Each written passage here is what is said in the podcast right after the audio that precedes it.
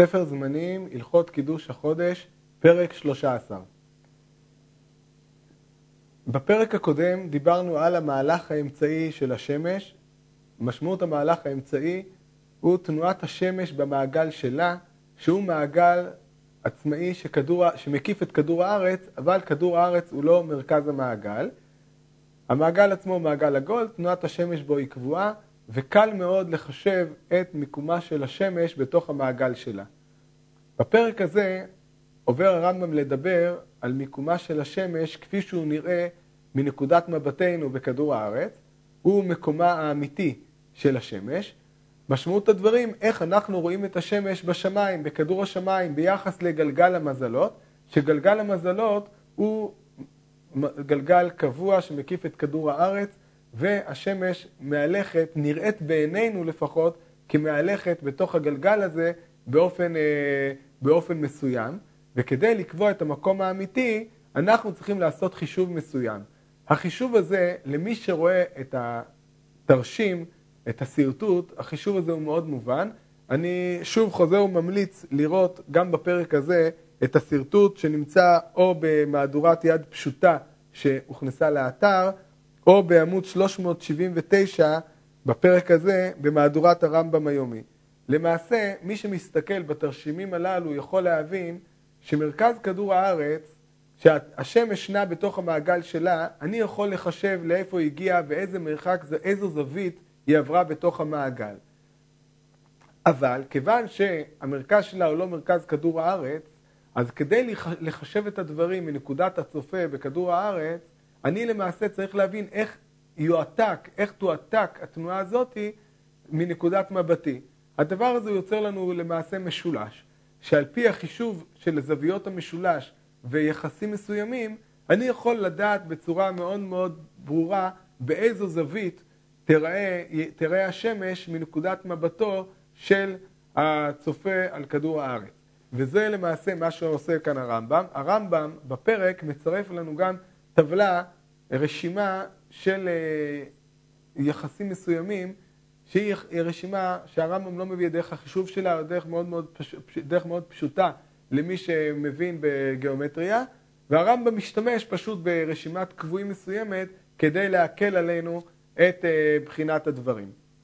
פרק 13, הלכה א' אם תרצה לדע מקום השמש האמיתי בכל יום שתרצה, תוציא תחילה מקומה האמצעי לאותו היום על הדרך שביארנו בפרק הקודם, ותוציא מקום גובה השמש ותקרא מקום, תגרע מקום גובה השמש ממקום השמש האמצעי, והנשאר הוא הנקרא מסלול השמש. למעשה, אנחנו צריכים לחשב את המיקום של השמש, איפה נמצאת השמש, והדבר הזה היתרה של החישוב הזה היא הנקראת מקום השמש. ותראה כמה מעלות הוא מסלול השמש. אם היה המסלול פחות מ-180 מעלות, תגרע מנת המסלול ממקום השמש האמצעי, ואם היה המסלול יותר על 180 מעלות, עד 360, תוסיף מנת המסלול על מקום השמש האמצעי. ומה שיהיה אחר שתוסיף עליו או תגרע ממנו, הוא המקום האמיתי. אם כן, אנחנו, ברגע שאנחנו נוכל לחשב את המהלך של השמש, את השמש במקום שלה, ואנחנו יודעים איפה נמצא הגובה של השמש בתוך מעגל, בתוך גלגל המזלות, אנחנו נוכל לחשב עכשיו את מיקומה האמיתי של השמש על ידי תרגיל שלמעשה אנחנו נעמיד משולש שקודקוד אחד שלו הוא מרכז כדור הארץ קודקוד אחד שלו הוא מרכז גלגל השמש, ועוד קודקוד אחד הוא הנקודה שבה השמש הגיעה בתוך הגלגל שלה, ובצורה הזאת אנחנו נוכל לחשב את הזווית שהיא נמצאת בין מרכז גלגל השמש לבין מקום השמש מנקודת מבטו של הצופה בכדור הארץ. אה, אם המסלול הזה הוא פחות מ-180 מעלות, יש תרגיל שהוא למעשה תרגיל מסוים. אם זה עבר את 180 מעלות, יוצא שהמסלול הוא יותר מ-180 מעלות, צריך לעשות תרגיל אחר, שקשור שוב לחישובים הגיאומטריים הפשוטים, שכל אדם שרואה את התרשים יוכל אה, להבין אותם בקלות אה, גדולה. ודע שאם יהיה המסלול 180 בשווה או 360 בשווה, אין לו מנה, אלא יהיה המקום האמצעי הוא המקום האמיתי, כיוון שנקודת. למעשה, נקודת הגובה, השמש חוזרת למקום שהוא נקודת אה, הגובה, או נקודת השפל, ובהקשר הזה היא תראה לנו בשיא השמיים, אה, בשני המקרים היא תראה לנו בשיא השמיים, ואנחנו אה, לא צריכים לעשות כל שינוי מבחינת נקודת הצופה מכדור הארץ, או המיקום האמיתי של השמש. עכשיו בהלכה הבאה אומר לנו הרמב"ם את הקבועים שיש להוסיף אותם. הלכה ד', מנת המסלול. וכמה היא מנת המסלול? אם יהיה המסלול 10 מעלות, תהיה מנתו 20 חלקים. ואם יהיה 20 מעלות, תהיה מנתו 40 חלקים. ואם יהיה 30 מעלות, תהיה מנתו 8 ו-50 חלקים.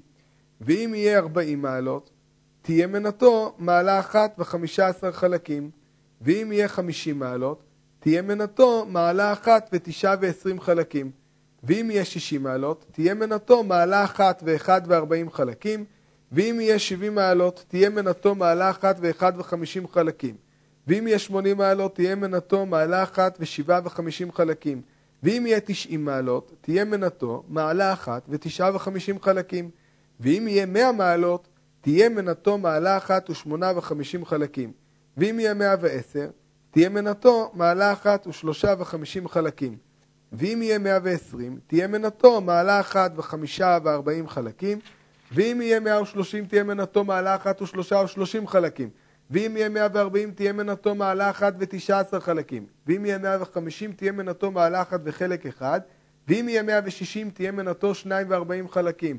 ואם יהיה 170 תהיה מנתו 1 ו-20 חלקים, ואם יהיה 180 בשווה אין לו מנה כמו שביארנו, אלא מקום השמש האמצעי ומקומה האמיתי. יש פה רשימה, ניתן גם למצוא אותה במהדורת רמב"ם יומי, בעמוד 380, או במהדורת יד פשוטה של מנת המסלול, מנת המסלול. והלכה A, היה המסלול יתר על 180 מעלות, תגרע אותו מ-360 מעלות ותדע מנתו. כיצד? הרי שהיה המסלול 200 מעלות, תגרע אותו מ-360, יישאר 160 מעלות. וכבר הודענו שמנת 160 מעלות, 2 ו-40 חלקים, וכן מנת ה-200, 2 ו-40 חלקים.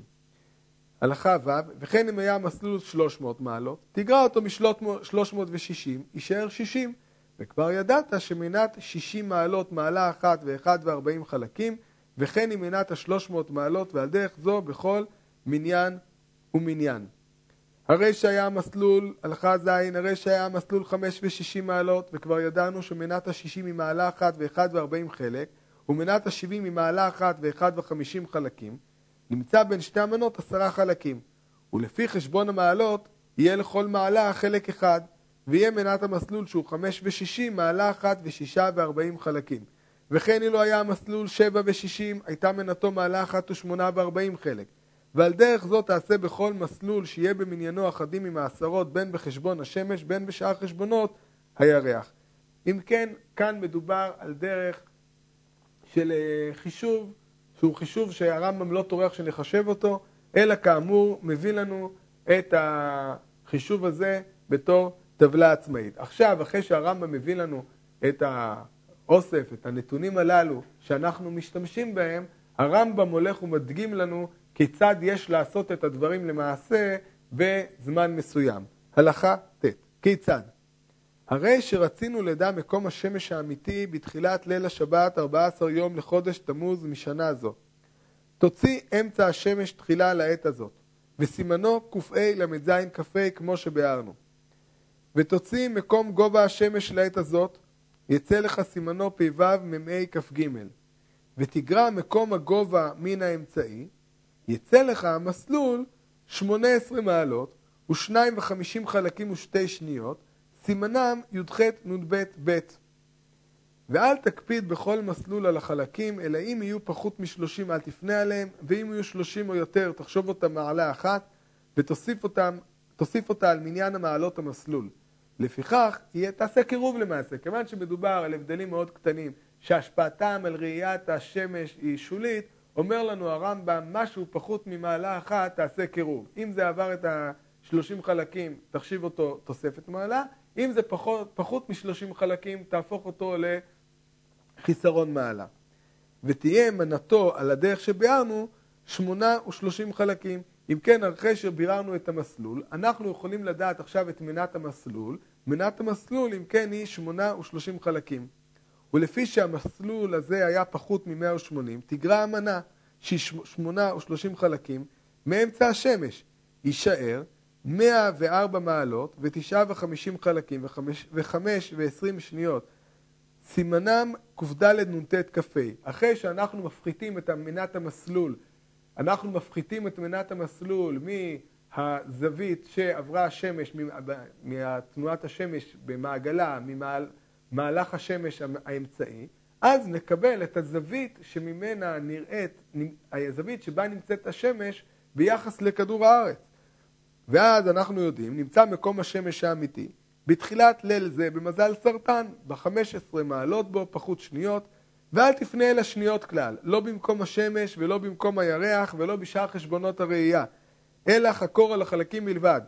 ואם יהיו השניות קרוב ל-30, עשה אותם חלק והוסיפו על החלקים. גם כאן בחישוב, גם כן אומר הרמב"ם, אפילו בחישוב, כיוון שאתה הגעת לשיעור קרוב, השניות מאבדות את המשמעות שלהם ואפשר לעשות קירוב לחלקים. אמנם חשוב לנו לדעת בדיוק את החלקים והשניות, כי כאשר אנחנו עושים חישובים לשנים רבות ולימים ארוכים, אז לשניות, השניות מקבלות משמעות גדולה למעשה, אבל בהקשר הזה, כשהגענו כבר לרמת קירוב כזו של המקום, אנחנו לא צריכים לברר יותר את השניות ואפשר להסתפק אך ורק במניין החלקים. אם כן, אז התהליך שאנחנו ראינו עד עכשיו, התהליך הזה הוא תהליך של בירור מקום השמש האמצעי, מקום גובה השמש, ועל פי זה יצירה של uh, מה שנקרא מנת המסלול. מנת המסלול, אם אנחנו מפחיתים את מנת המסלול, uh, מפחיתים את מנת המסלול מהזווית שעברה השמש בתוך המעגל שלה, אנחנו מקבלים כאמור את זווית, הזווית שבה נמצאת השמש ביחס לכדור הארץ בתוך גלגל המעלות, בתוך uh, גלגל המזלות. וזה המקום שאנחנו נראה, ככה אנחנו נראה את השמש. לעולם אנחנו מחפשים את השמש או בזריחתה או סמוך לשקיעתה, זאת תמיד הנקודה שמעניינת אותנו. בעיקר סמוך לשקיעתה, כי כאמור אנחנו נרצה לדעת את מיקום הירח שמופיע לאחר שקיעת השמש, וזו הדרך לידיעת מיקום השמש האמיתי. כאמור, כפי שאמרנו, החישוב הזה הוא חישוב שבנוי על הנחות אסטרונומיות שגויות. אנחנו יודעים כיום שהשמש אין לה את המעגלים הללו. וכדור הארץ הוא זה שמקיף את השמש במסלול אליפטי, שהוא גורם לשינוי באיך שאנחנו רואים את מהירות תנועת השמש, אבל זה לא משנה, כי גם אם אנחנו בוחנים את הדברים לאור הנתונים, לאור תמונת השמיים שהגדירו אותה הקדמונים, בסופו של דבר אפשר לדעת על פיה את אה, מיקום, מיקום השמש, כפי שנראה בעינינו, בתוך, אה, בתוך גלגל המזלות בשמיים. אה, אבל לעתיד לבוא, לכשתתחודש סנהדרין, יש להניח שהם יחשבו את הדברים על פי החוכמה שבימינו ועל פי המכשירים המדויקים ועל פי הנתונים המדעיים הידועים לנו ולא יזדקקו לחישוב הזה של הרמב"ם. ממשיך הרמב"ם בהלכה י"א, ומאחר שתדע מקום השמש בכל עת שתרצה, תדע יום התקופה האמיתי, כל תקופה שתרצה, בין תקופות הבאות אחר עיקר זה שממנו התחלנו, בין תקופות שעברו משנים קדמוניות. אנחנו כבר הזכרנו שדיברנו על יום התקופה, שיום התקופה בנוי על איזשהו חשבון ממוצע שהוא לא חשבון מדויק. אם אתה רוצה לדעת בדיוק את עונות השנה, אז אומר הרמב"ם, תפנה, ל...